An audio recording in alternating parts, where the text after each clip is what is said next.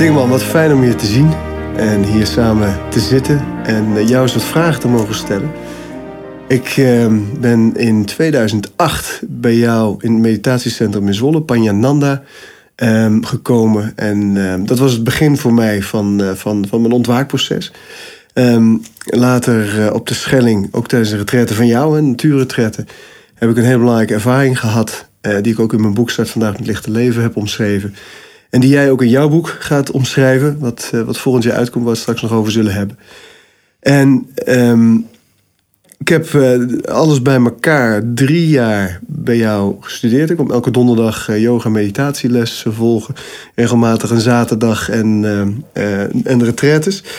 En je hebt me toen ook nog naar Nepal gestuurd. Naar uh, Sayada Upandita in, die, in diezelfde periode. En je hebt me voornamelijk onderricht in de Vipassana. Vipassana meditatie. Maar je doet natuurlijk veel meer dan alleen Vipassana meditatie. En ook je verleden is, eh, is bijzonder kleurrijk. Ook als het gaat over eh, leraren als uh, Sri Nisargadatta Maharaj en, eh, en anderen. Je bent natuurlijk ook yoga-leraar. En zou je iets over jezelf willen vertellen? Hoe, is het, hoe, hoe, hoe oud ben je nu? Ik ben nu 84. 84. Ja. En hoe, hoe is dat ontstaan? Vanaf je, het moment dat je met bewustwording in aanraking kwam? Ja, nou, ik wil eh, vooropstellen dat het min of meer, of misschien wel helemaal toch, vanzelf ontstaan is. Het is allemaal gegaan zoals het gegaan is. En, eh, en ja, ik merk eh, eigenlijk dat het allemaal heel spontaan verlopen is. Ik ben natuurlijk eh, christelijk opgevoed, met name de christelijk gereformeerde kerk. Ik ben zelfs in opleiding geweest tot predikant in Apeldoorn op de christelijke gereformeerde school Nu is het een, eh, een theologische universiteit. Daar ben ik vastgelopen, eh, overspannen geraakt. Ja, het bleek een neurose te zijn. En wat voor mij een heel belangrijk onderdeel is van mijn hele ontwikkeling, is toch wel dat ik 15 maanden in een neurosesanatorium ben geweest. Waar ik eh, eh, ja, een enorme ontwikkeling eh, heb doorgemaakt. Losgekomen ben van mijn opvoeding, met name ook van de moeilijke situatie die ik had met mijn vader. En ja, toen ben ik dus ook tot het inzicht gekomen dat ik in feite helemaal niet paste in de christelijk gereformeerde kerk. Ik ben van nature een beetje vrijbuiter, of misschien wel een hele erge vrijbuiter. Ik ben erg gesteld op vrijheid, op ruimte. En nou ja, die heb je in de christelijk gereformeerde kerk niet zo. Dus ik ben toen moeten stoppen ook met die studie. Afgezien van het feit dat ik er toen ook nog niet aan toe was om het weer op te vatten. En toen is er een hele, ja, een hele ontwikkeling is er, eh, op gang gekomen. De eerste 15 jaren heb ik nog eh, die na-eiling gehad van die behandeling op de die de, de Neurosanatorium. Toen ben ik begonnen met eh, het beoefenen van yoga. Eh, yogalessen genomen in Breda. En min of meer tegelijkertijd, iets later misschien, ben ik in de leer gegaan bij een leraar die de Advaita Vedanta filosofie zeg maar onderrichten. Eh, Dat was dus Wolter Keers. En beide, zowel dus het, de yoga als die, eh, dat onderricht van de Advaita Vedanta, dat heeft veel voor mij betekend. Ik ben toen ook eh, verder losgekomen van het christendom. Ik ben dus veel meer ook eh, tot een diepere vorm van ontspanning gekomen. En ja, ik ben in feite met een, natuurlijk een totale andere levensvisie in aanraking gekomen. Die bleek bij mij te passen. Hoe oud was je toen? Ik ben met eh, yoga begonnen in 1968. Ik was toen 34. 34. 34 jaar, ja. Dat is 50 jaar geleden. ja, dat is een hele tijd geleden. Dat is een hele tijd geleden, ja. ja. En eh, nogmaals ben ik ook dus begonnen met die Advaita Vedanta. Die Wolter Kiers die heeft mij uiteindelijk eh, naar Nisargadatta gestuurd. En Nisargadatta, dat is altijd nog mijn belangrijkste leermeester. eh, is dat Sri gebleven. Nisargadatta Maharaj in, Ja, eh, precies, precies. in Mumbai. De auteur ook van het boek Ik Ben Zijn. Ja, ja, ja. Een van de grootste leraren van de afgelopen Kun je dat zeggen? ja? decennia, misschien wel van de afgelopen eeuw. Ja, een van de belangrijkste leraren. Ja. ja. En dat heeft natuurlijk erg veel voor mij betekend. Uh, Walter Keers die heeft mij erop voorbereid. Dat was natuurlijk eh, ja, op zichzelf heel belangrijk. En eh, ik eh, heb dus verder onderricht van hem gekregen. En waar het dan vooral op aankomt in dat onderricht... dat je, ja, dat je loskomt van wat je niet bent. En wat je niet bent, dat is in feite dat ikje. In het begin is dat erg vreemd en dan, nou ja, dan moet je er echt aan wennen. Maar ondanks het feit dat ik het erg vreemd vond, kon ik het toch niet loslaten en was ik er toch mee bezig. En uh, ja, op een gegeven moment dan, uh, heb ik dus ook zelf ervaren dat, ja, dat ik dus niet iemand ben, maar dat alles gebeurt zoals het gebeurt. En dan heb je het gevoel alsof alles vanzelf plaatsvindt, zonder dat er een ikje bij betrokken is. En dat is een geweldige ervaring. En dat geeft ook ja, ruimte, dat geeft vrijheid. Want Niskadatta, die, die, die begeleiden mensen naar zelfrealisatie. Je bent zelf een aantal keer een maand bij hem geweest in Mumbai. Uh, kun je zeggen dat hij jou ook naar zelfrealisatie heeft begeleid? Ja, de inleiding dan, hè? De inleiding gegeven. Ja, de inleiding, zeker, zeker. Ja. En, uh, maar wat ik uh, ook merkte, Inmiddels was ik ook eh, begonnen met een opleiding voor uh, yogadocent. En toen ben ik ook daarna ben ik lessen gaan geven. Maar wat ik vooral merkte, en ja, dat voelde toch niet goed, dat het vooral in mijn hoofd zat. En dat mijn hart er niet zo bij betrokken was. En dat is eigenlijk de reden geweest. Dat was eigenlijk het voornaamste motivatie om om te gaan mediteren. Omdat ik vermoedde dat de meditatie inmiddels zou zijn om zeg maar, niet alleen zeg maar, dat het in mijn hoofd zou blijven, maar dat het ook een wezenlijk bestanddeel van mezelf zou worden. Ja. En uh, ja, dat is uh, denk ik ook wel een hele goede beslissing geweest. Het was ook de reden dat ik aanvankelijk niks van het boeddhisme moest hebben. Omdat ik dacht, nou, die Advaita Vedanta filosofie die is voor mij uh, voldoende. Daar heb ik, heb ik voldoende aan. Ik weet precies hoe de vork in de steel zit. Althans, dat, dat is mij zo geleerd. Maar ik ben toen uiteindelijk ben ik in Burma terechtgekomen. Ja? Voordat we daarheen gaan, hè, Burma, want die, die Advaita Vedanta, daar wil ik ietsjes meer over weten. Want um, de Advaita-filosofie kennen mensen ook wel als het non-dualisme. Hè? Um, ja, maar ja, het boeddhisme is ook non-dualisme. Het boeddhisme is ook non-dualisme, ja, absoluut waar. Um, de Advaita is uh, voorbij de kennis, hè? dus het gaat over directe ervaring. Ja, ja, ja. Um, en ook directe ervaring van, van um, ja, net, net zo lang ervaren wat je niet bent, tot je weet wie je in essentie bent. Maar kun je iets meer vertellen over die filosofie, de Advaita Vedanta? Ja, uh, ik denk toch dat het belangrijkste is wat ik al verteld heb. En dat is dat de, de, de, de Nisargadatta, die een van zijn uitspraken was vaak: uh, je bent niet degene die je denkt dat je bent. En hij, zijn hele onderricht was toch uh, gericht om je te brengen naar datgene wat je werkelijk bent. En hij zei ook bijvoorbeeld niet, je moet je zo of zo gedragen. Wel zei hij regelmatig, je moet alles loslaten. Alles loslaten waar je aan vastzit. Dat was wel een, een bekend thema wat hij telkens ook aanroerde. Maar zijn hele onderricht was er uiteindelijk toch op gericht om te worden wie je werkelijk bent. Omdat wanneer je dat eenmaal bent, dan gaat alles vanzelf dan gaat alles vanzelf. En uh, ja, zo zegt hij bijvoorbeeld, ik noem maar eens iets van uh, bevrijding is net niet ten behoeve van een persoon, maar bevrijding is bevrijding van een persoon. Hè? Dat, dat duidt ook al aan wat, wat hij ermee bedoeld wordt. Hè? Dus naarmate je dus, dus natuurlijk meer dat ik je loslaat en alles laat gebeuren zoals het gebeurt, zonder dat je daar ervaart dat je daar als persoon bij betrokken bent, geeft dat een enorme vrijheid en geeft dat een enorme ruimte. Ja? En ja, dat is natuurlijk fantastisch. Hè? Ja. ja. En toen ben je op onderzoek gegaan in het boeddhisme en in Myanmar terechtgekomen. En, en je zegt al, het boeddhisme is ook, non-dualisme, maar toch zit er een, een, zijn er een aantal kenmerkende verschillen tussen de Advaita Vedanta en het boeddhisme. Nee, dat valt toch mee. Wat je in het boeddhisme veel meer hebt, dat is, dat is dus dat er een, een, soort, uh, ja, wat zal ik zeggen, uh, allerlei hulpmiddelen zijn waar je gebruik van kunt maken om tot dieper inzichten te komen.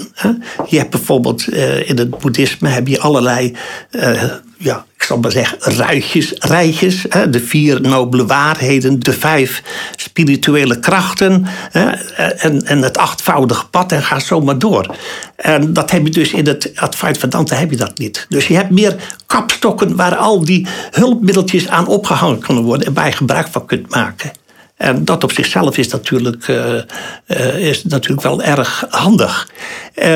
daarnaast, wat natuurlijk een heel belangrijk verschil is, dat is dat je in de Advaita Vedanta, dat daar geen belang wordt gehecht aan meditatie.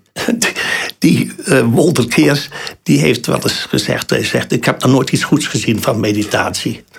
Dat is natuurlijk bij de, bij de boeddhisme is dat heel anders. Want ik ben juist naar het, bij het boeddhisme terechtgekomen om te kunnen mediteren. Omdat ik dacht dat dat goed voor mij zou zijn. Maar nogmaals, in het begin uh, heb ik me eigenlijk verder rest niet verdiept in het boeddhisme. Heb ik daar een beetje van afgewend. Maar toen ik, uh, zeg maar, na verloop van tijd de gelegenheid had om voor langere tijd naar Burma te gaan. En ik daar dus uh, ja, midden in het boeddhisme terecht kwam en daar ook mediteerde, dan kun je je niet afwenden van het boeddhisme. Dat ging niet meer. Dus ik heb me daarvoor geopend. En toen merkte ik ook dat uh, die verschillen eigenlijk minimaal waren. Alleen de benamingen van verschillende, uh, van verschillende thema's enzovoort, die waren wel wat verschillend. Maar de, de essentie is nauwelijks verschillend. En het is dus ook non-dualistisch. Ja. Ja. Maar nogmaals, uh, je hebt in de, in de, in de uh, boeddhisme heb je wat meer aanwijzingen, heb je wat meer middelen om, om zeg maar je weg te vinden. En is in boeddhisme ook meer aandacht voor het hart? Het wordt wel eens vergeleken met een vogel met twee vleugels. Eentje van wijsheid en eentje van liefde. Waarbij de Advaita Vedanta misschien meer over de wijsheid gaat dan over de liefde. Ja, dat is wel, dat is wel een goed punt wat je aanraakt. Dat is ook zo. Van Wolter Keers, bij leraar, werd dan ook wel eens gezegd dat het een koude kikker was. Koude kikker, ja. ja dat werd wel eens van hem gezegd. En uh, ja, uh, dat, dat was eigenlijk ook wel zo. Hè? En dat heb je inderdaad, heb je dat, eh, bij het boeddhisme heb je dat uh, minder. Maar ik moet zeggen dat binnen het boeddhisme ook allerlei richtingen zijn die ook verschillend zijn. Er zijn ook veel richtingen waarbij uh, dat hele warme van de liefde ook niet zo centraal staat. welke richting is dat bijvoorbeeld? Nou, waar ik in, in, in Burma ben geweest, dat boeddhisme, dat is ook vrij vrij nuchter en vrij technisch. Ik vond het wel erg technisch. Het was Theravada-boeddhisme, hè? Theravada-boeddhisme. Maar ik ben dus daarna in Amerika geweest, in AMS. Dus dat is dus waar Jozef Kolstein, mijn leraar, dus leraar was. Of is. En daar is dat geen anders. Daar is het veel warmer, ook veel meer afgestemd op de westerse mens. Ja. Dus het, hangt er ook een beetje vanaf waar je dus in het boeddhisme terechtkomt. Maar in het algemeen is het natuurlijk wel zo dat je via de weg van de meditatie bezig bent om de obstakels tot die liefde die in essentie in jou aanwezig is, om die op te remmen. Ja. Dus dat is, en vandaar ook naarmate je dus uh, zeg maar meer en meer dus kunt loslaten en meer en meer tot vrede kunt komen en meer en meer jezelf kunt zijn, zul je ook merken dat die liefde zich meer en meer gaat manifesteren. Daarnaast heb je dus in het boeddhisme ook nog ja, een speciale meditatie, dat is de zogenaamde metta-meditatie. Dat is een meditatie die dus uh, speciaal gericht is om die liefde, die universele liefde die iedereen, iedereen in zich heeft, om die ja, vrij te maken en uh, dat die zich gaan uh, manifesteren. Ja. ja. Want die metameditatie, daar heb je ook nog aparte retretes en, en langere retretes in gevolgd, hè? Ja, ik heb in uh, Burma heb ik dus vijf weken heb ik die metameditatie beoefend. En ik heb in Amerika, toen ik in Amerika was, heb ik ook vijf weken die metameditatie ja, beoefend. Ja. Ja, En deed je dat dan, want in Burma was jouw ehm, leraar Sayadaw Pandita. Nee, dat, Is niet, dat is niet waar. Oh, nee, niet goed. Dat was Ushatila. Ushatila. Ushatila. En uh, die uh, Upandita, maar ook die Ushatila, dat waren leerlingen van Mahasi Sayadaw. Dat is in feite de grondlegger van uh, het Mahasi Centrum in, in Burma. Dus in Yangon, de hoofdstad van Burma. Ja.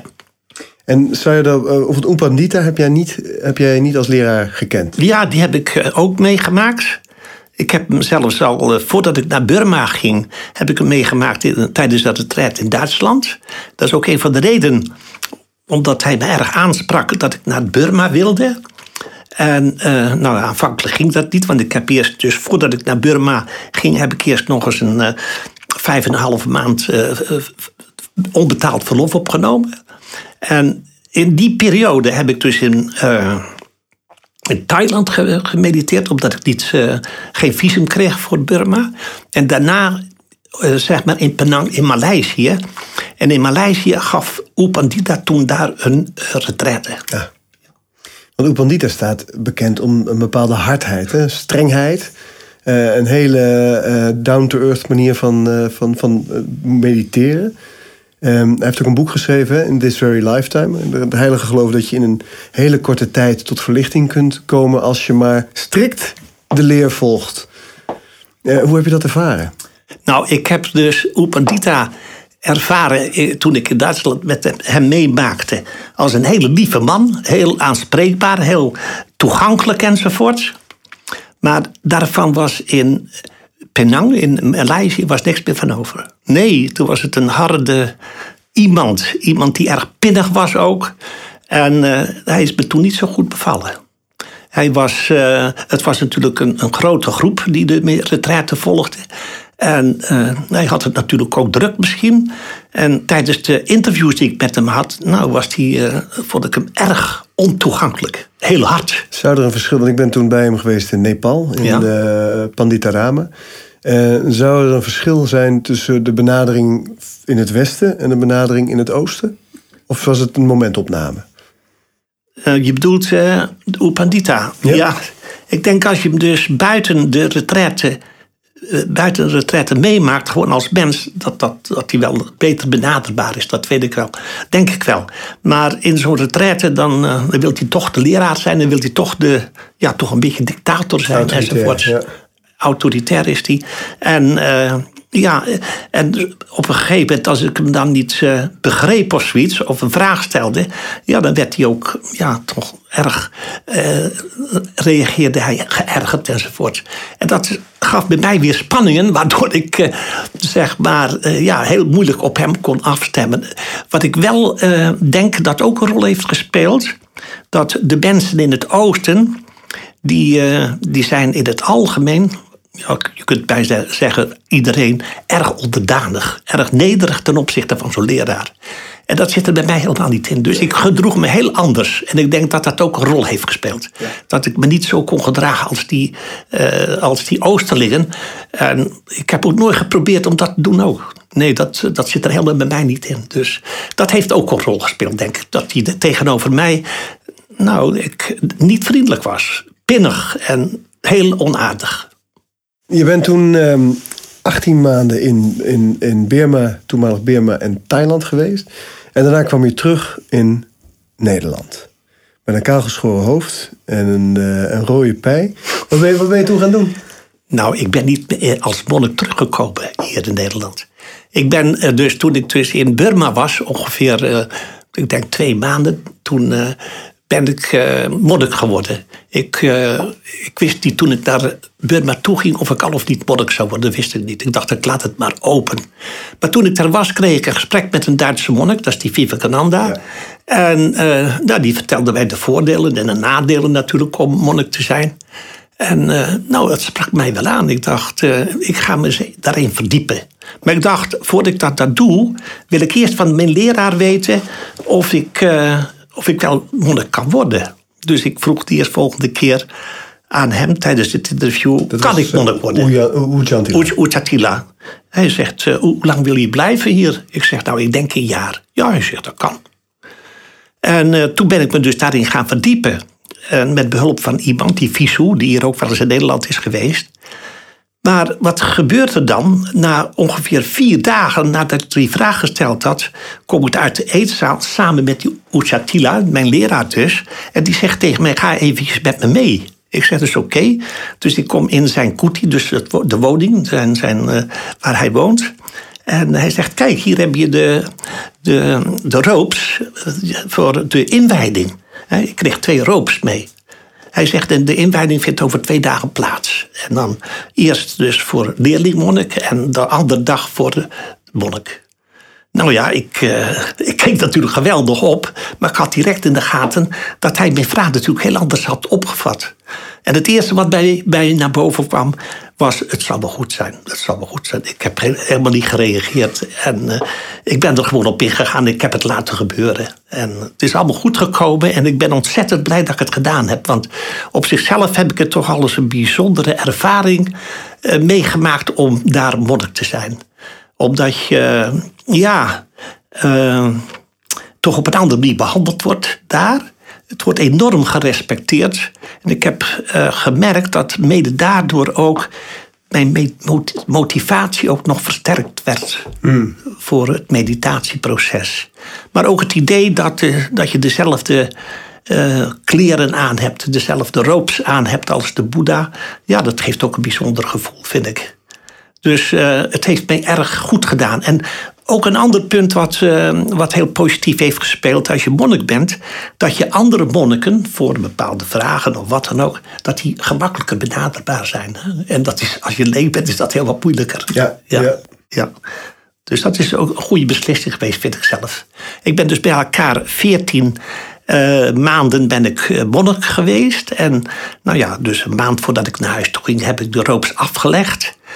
Mij is natuurlijk wel verschillende keren gevraagd: waarom ga je niet als monnik naar Nederland? Nou, ik heb gezegd dat is erg moeilijk enzovoort. Hè, om uh, hier in Nederland uh, monnik te zijn. Hè. En, want je hebt altijd iemand nodig die voor je zorgt. Oh, zeiden sommigen, ik wil wel mee. Hè. Maar daar ben ik maar nooit op ingegaan. ik dacht, dat zullen we maar niet doen. en, en toen kwam je terug. En uh, wat ben je toen gaan doen? Nou, ja, dat is allemaal een beetje gek. Maar ik ben dus, dus uh, enkele, ik denk een maand of drie, vier thuis geweest. voordat ik dan weer naar Amerika ging. Hè. Maar in die tussentijd ben ik ook dus drie weken naar de Sovjet-Unie geweest. Oh ja. maar als toerist. Een hele interessante reis gemaakt. Ik was de krant aan het lezen. Na zoveel tijd natuurlijk, want ik in, in Burma lees ik geen krant. En toen las ik een advertentie over een reis naar uh, de Sovjet-Unie. En uh, nou, ik, heb ik direct heb ik daarop ingeschreven en dat was geweldig. Maar ik ben dus in september ben ik uh, naar Amerika gegaan. Je bent naar Amerika gegaan? Naar Bear, Massachusetts. Daar heb je uh, bij Joseph Goldstein ben je daar in de leer gegaan. Dan ben je gelijk weer een paar maanden gebleven, denk ik. Hè? Doen, uh, die, Daarna, die... ik heb dus drie maanden duurde die retraite. Dat was een drie maanden retraite. En daarna ben ik nog drie maanden gebleven als een zogenaamd long-term yogi. Oh ja, dus je hebt een half jaar ook nog in Amerika Een half jaar, ja, ja. En, want je hebt al, hoeveel drie maanden retraites heb jij gedaan in je leven? Die uh, retraites daar in Amerika? Ja, in totaal drie lange retraites. Nou, ik zal je vertellen. Ik heb de zaak wel eens opgeteld. En uh, dan blijkt toch dat ik uh, dat, toch bijna zes jaar in allerlei meditatiecentra en, en kloosters ben geweest. Gedurende mijn leven. Zes jaar, Ja, de hele tijd, hè? Heel veel, ja. Ja, ja. ja, ja. Maar uh, ik ben dankbaar dat ik het heb kunnen doen. Zo is het natuurlijk op zichzelf al ook heel bijzonder geweest dat ik de gelegenheid heb gehad om, toen ik 55 werd, al uh, zeg maar dienst kon verlaten. Dienst van Rijkswaterstaat, waar ik dus in dienst was, om, uh, om naar, naar het oosten te gaan. Ja, mooi. En daarna naar Amerika. En ja, dat, dat, dat heeft me enorm verrijkt natuurlijk in mijn kennis, maar ook in mijn verdieping van mijn meditatieproces. Hè. Mooi. Toen je in Nederland terugkwam, uiteindelijk, toen heb je, heb je een centrum opgericht. Was dat, dat was toen meteen? Ja, nadat ik, uit, uh, nadat ik uit Amerika kwam. Ja, dat heette Panyananda, dat bestaat nog steeds. En dat is jouw monniknaam. Hè? Panya is wijsheid in het Pali, Ananda gelukzaligheid. Ja. Dus hij die gelukzalig is in zijn wijsheid. Ja. Dat is jouw monniknaam. Ja, ja, ja. En dat, dat heb je, zo heb je je centrum ook genoemd. En toen ben je begonnen met het geven van yoga meditatielessen. Ja, ja uh, de drang daartoe, die had ik al heel sterk in, in, in, in Burma. Ik, uh, ik heb zo dikwijls gedacht in Burma, dat wat ik hier meemaak, dat wat ik hier doe, zouden een heleboel mensen moeten doen. En dat, ja, ik heb dat toch hoewel het toch uiteindelijk een hele moeilijke tijd is geweest. Want het is een hele moeilijke tijd geweest. En uh, vanwege het klimaat, vanwege het eten, vanwege de, nou ja, allerlei omstandigheden enzovoorts. Maar goed, uh, het heeft me enorm verrijkt. En het heeft mij ja, toch in een staat gebracht dat ik. Ja, dat ik me toch. Dat gaf een enorme verdieping. En dat ik ook een enorme behoefte had om dat wat ik er voer, datgene wat ik meemaakte, om dat te kunnen delen met andere mensen. Dus die drang om dat door te geven, dat te delen met andere mensen, die, die was al aanwezig in Burma. En ik had ook al direct uh, had ik het gevoel, ik ga dat combineren met yoga. Ik ga proberen yoga zo te geven dat het een, een goede voorbereiding gaat vormen voor de meditatie. En, en, nou ja, dat is alleen maar versterkt toen ik dus ook nog uh, die, die, dat half jaar in Amerika ben geweest. Dus min of meer vanzelfsprekend kwam ik toe om dat centrum zeg maar, te beginnen in, uh, in Zwolle. Het, en net zoals je zegt, dat heette dus de Pandananda. Ja. En ik was heel blij. Ik was ook enorm gemotiveerd om dat, uh, ja, om dat door te geven aan andere mensen. En ik merkte dat, uh, want ik had eerst dus twee verschillende cursussen aangeboden. Eentje alleen maar meditatie en de, en de ander dus uh, yoga en meditatie, die combinatie. En ze kozen allemaal voor die laatste. Allemaal die combinatie van yoga en meditatie. En ik heb gemerkt ja, dat toch de toegankelijkheid tot de meditatie voor een heleboel mensen toch, uh, toch gemakkelijker werd door zeg maar eerst die uh, yoga dus uh, te beoefenen. Hè? Dus dat is wat dat betreft voor een heleboel mensen een, toch wel belangrijk geweest, denk ik, om tot meditatie te kunnen komen. Dat ze eerst dus zeg maar die yoga konden beoefenen. En daarin dus ook ja, dat gewaarzijn wat zo belangrijk is, daarin ook konden ontwikkelen. En ook zeg maar contact konden hebben met, uh, met hun lichaam, waardoor dus het contact hebben met hun geest wat gemakkelijker werd. En dat is niet boeddhistisch. Want als je een boeddhistische retraite yoga gaat doen, dan dat is, dat is, dat is vloeken in de kerk, hè?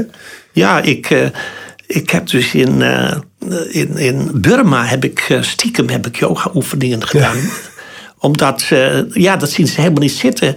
En ik denk, ik denk dat een van de belangrijkste oorzaken is dat ze vinden dat dat bij het Hindoeïsme hoort. En daar moeten ze niks van hebben, van het Hindoeïsme. Dus alleen al het idee dat het uit het Hindoeïsme voorkomt. Uh, dat, daarom wordt het al veroordeeld. dat is een beetje de katholieken en de protestanten. Ja, ja, ja. Zo. ja, ja. ja. Maar die vredelievendheid die er nu aanwezig is tussen protestanten en uh, katholieken, althans hier in Nederland, die is nog niet aanwezig, denk ik, tussen het boeddhisme en het hindoeïsme, denk ik. Nee, er is altijd een stukje rivaliteit, denk ik. Ja. Eigenlijk heel vreemd voor dit soort um, leren, die, die leren wie je in werkelijkheid bent, die compassie en liefde preken. En dan toch nog een soort van dualiteit met een andere ja. aanvliegroute houden. Vind ik ook. Ik, uh, ik heb natuurlijk ook in het Hindoeïsme verdiept. Daar ben ik ook behoorlijk mee bezig geweest. Met name de, natuurlijk de Advaita Vedanta, maar ook wel de Bhakti-yoga. En uh, als ik dan sommige leraren hoorde in Burma... wat ze over het Hindoeïsme vertelden dan dacht ik, jullie hebben er niks van begrepen. Dat geldt trouwens ook dat sommige leraren, boeddhistische leraren, ook die hier in Nederland zijn geweest, dat die dus ook opmerkingen over het christendom maakten waarvan ik dacht, stop er alsjeblieft mee, want je begrijpt er niks van.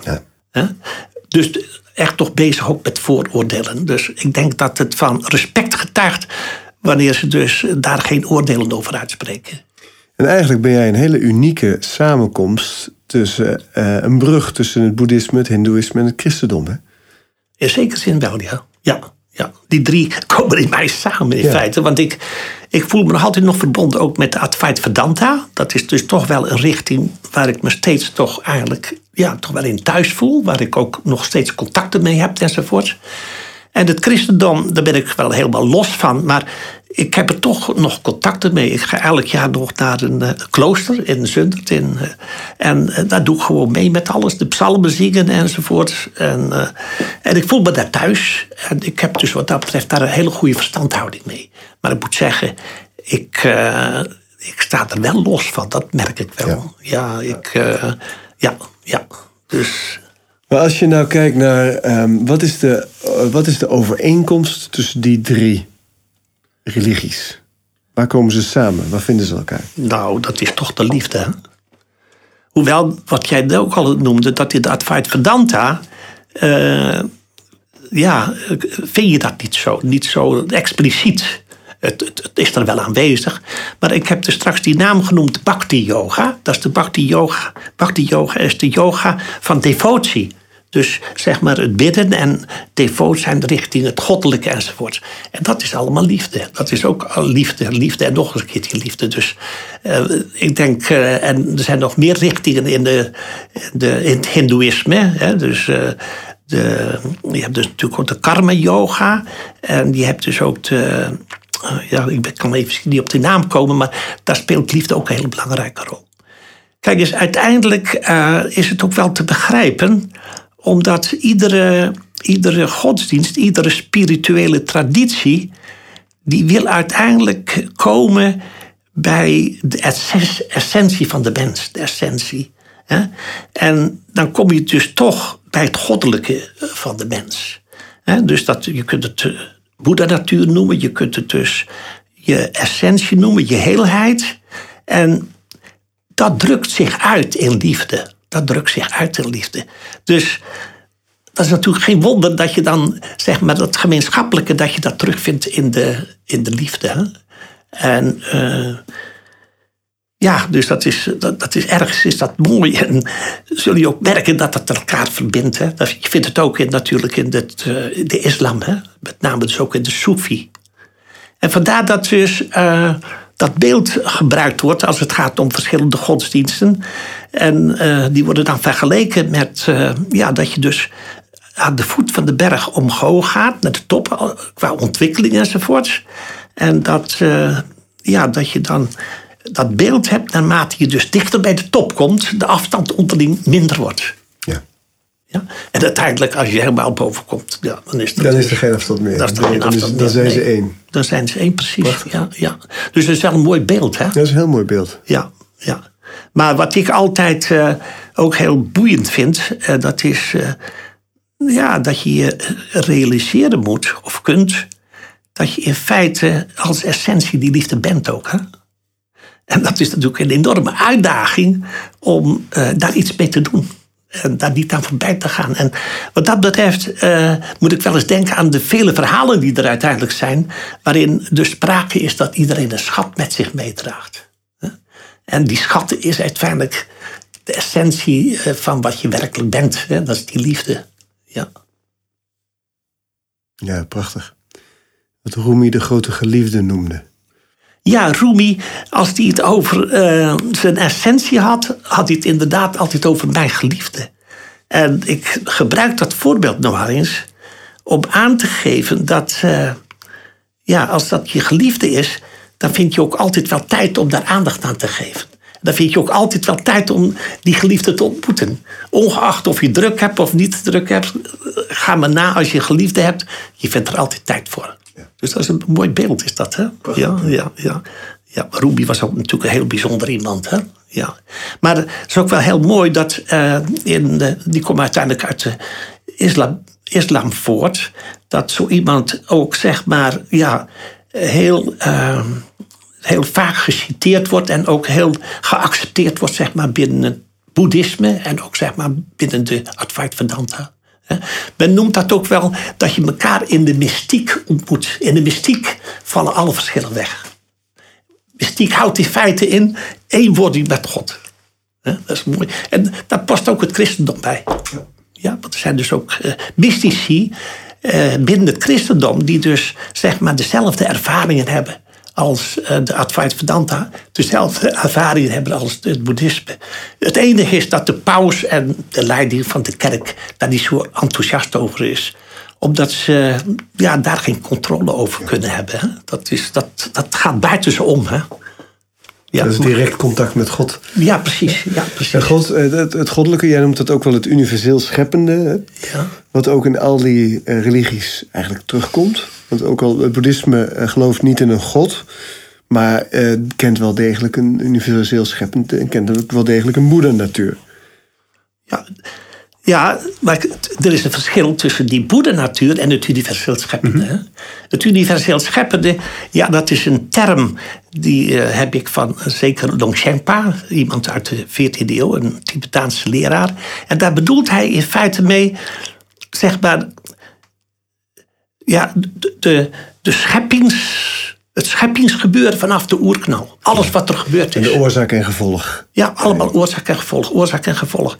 En daar valt letterlijk alles onder. Het feit dat we hier bezig zijn, het feit, het feit dat jij je hand beweegt, alles valt eronder. Maar ook hetgene wat in je mind zich afspeelt, daar valt alles onder.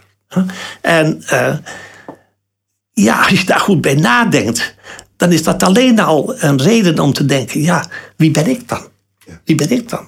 Dat ikje, dat is ook een onderdeel van het universeel scheppende. Hè? Dat, dat is het feit dat jij dus bepaalde misvattingen hebt, dat valt daar ook onder. Dat is, daar valt alles onder. En dat is een, iets, iets heel bijzonders om daarbij stil te staan. En dan denk je bij jezelf, nou, als je dat goed ziet, ja, dan kom je eigenlijk maar tot de ene conclusie dat je zegt, je eraan overgeven. Ja? Je eraan overgeven en eh, stil zijn. Stil zijn. Ja, Mooi. Liefde, overgave, stilte. ja stilte. Je bent eh, minder les gaan geven.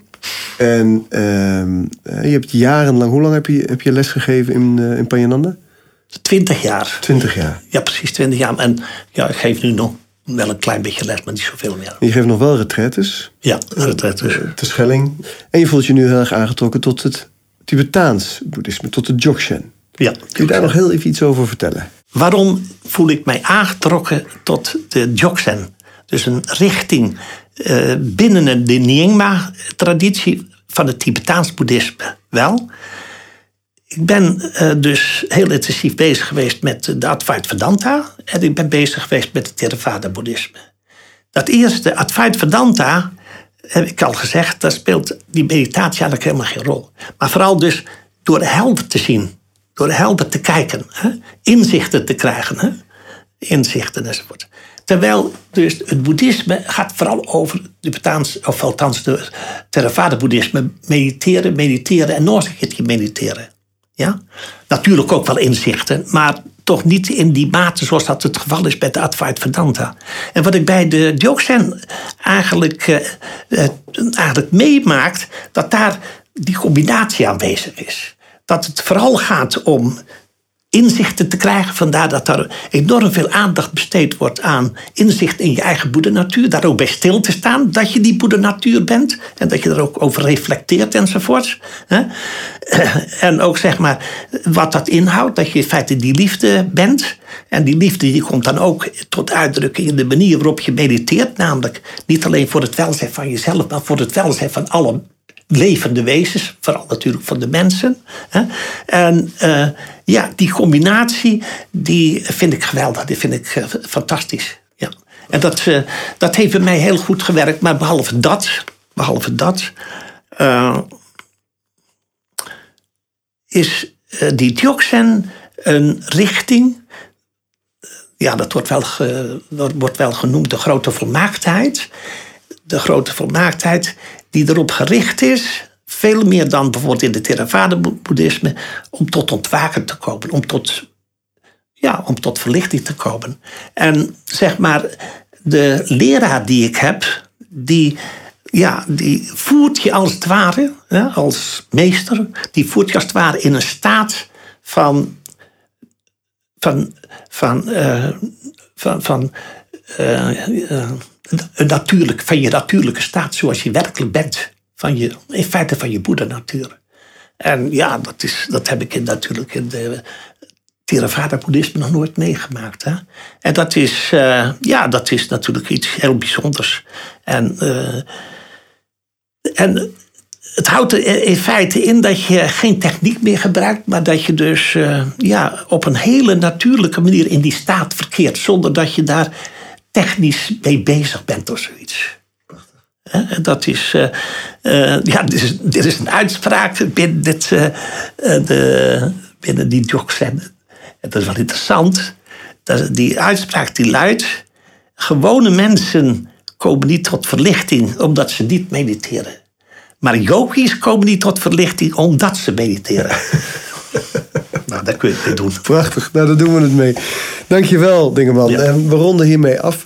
Ehm, in 2019 verwachten we jouw boek. Wat eh, ook, ook gaat over zowel Advaita Vedanta als het christendom... als uh, Theravada boeddhisme als de Dzogchen. Je, oh ja, de Dzogchen is ook nog een apart hoofdstuk, ja. ja. Ja, je laat alles daarin samenkomen. Uh, prachtig, een halve eeuw aan wijsheidsontwikkeling. Ik ben enorm vereerd dat ik jouw leerling mag zijn. En ook met dit gesprek, en elk gesprek raak ik weer ontroerd, geïnspireerd en leer ik weer en kom ik weer tot nieuwe inzichten. Dus dankjewel. Jij ook bedankt, ja. En dank voor je aandacht. Heel graag tot de volgende podcast.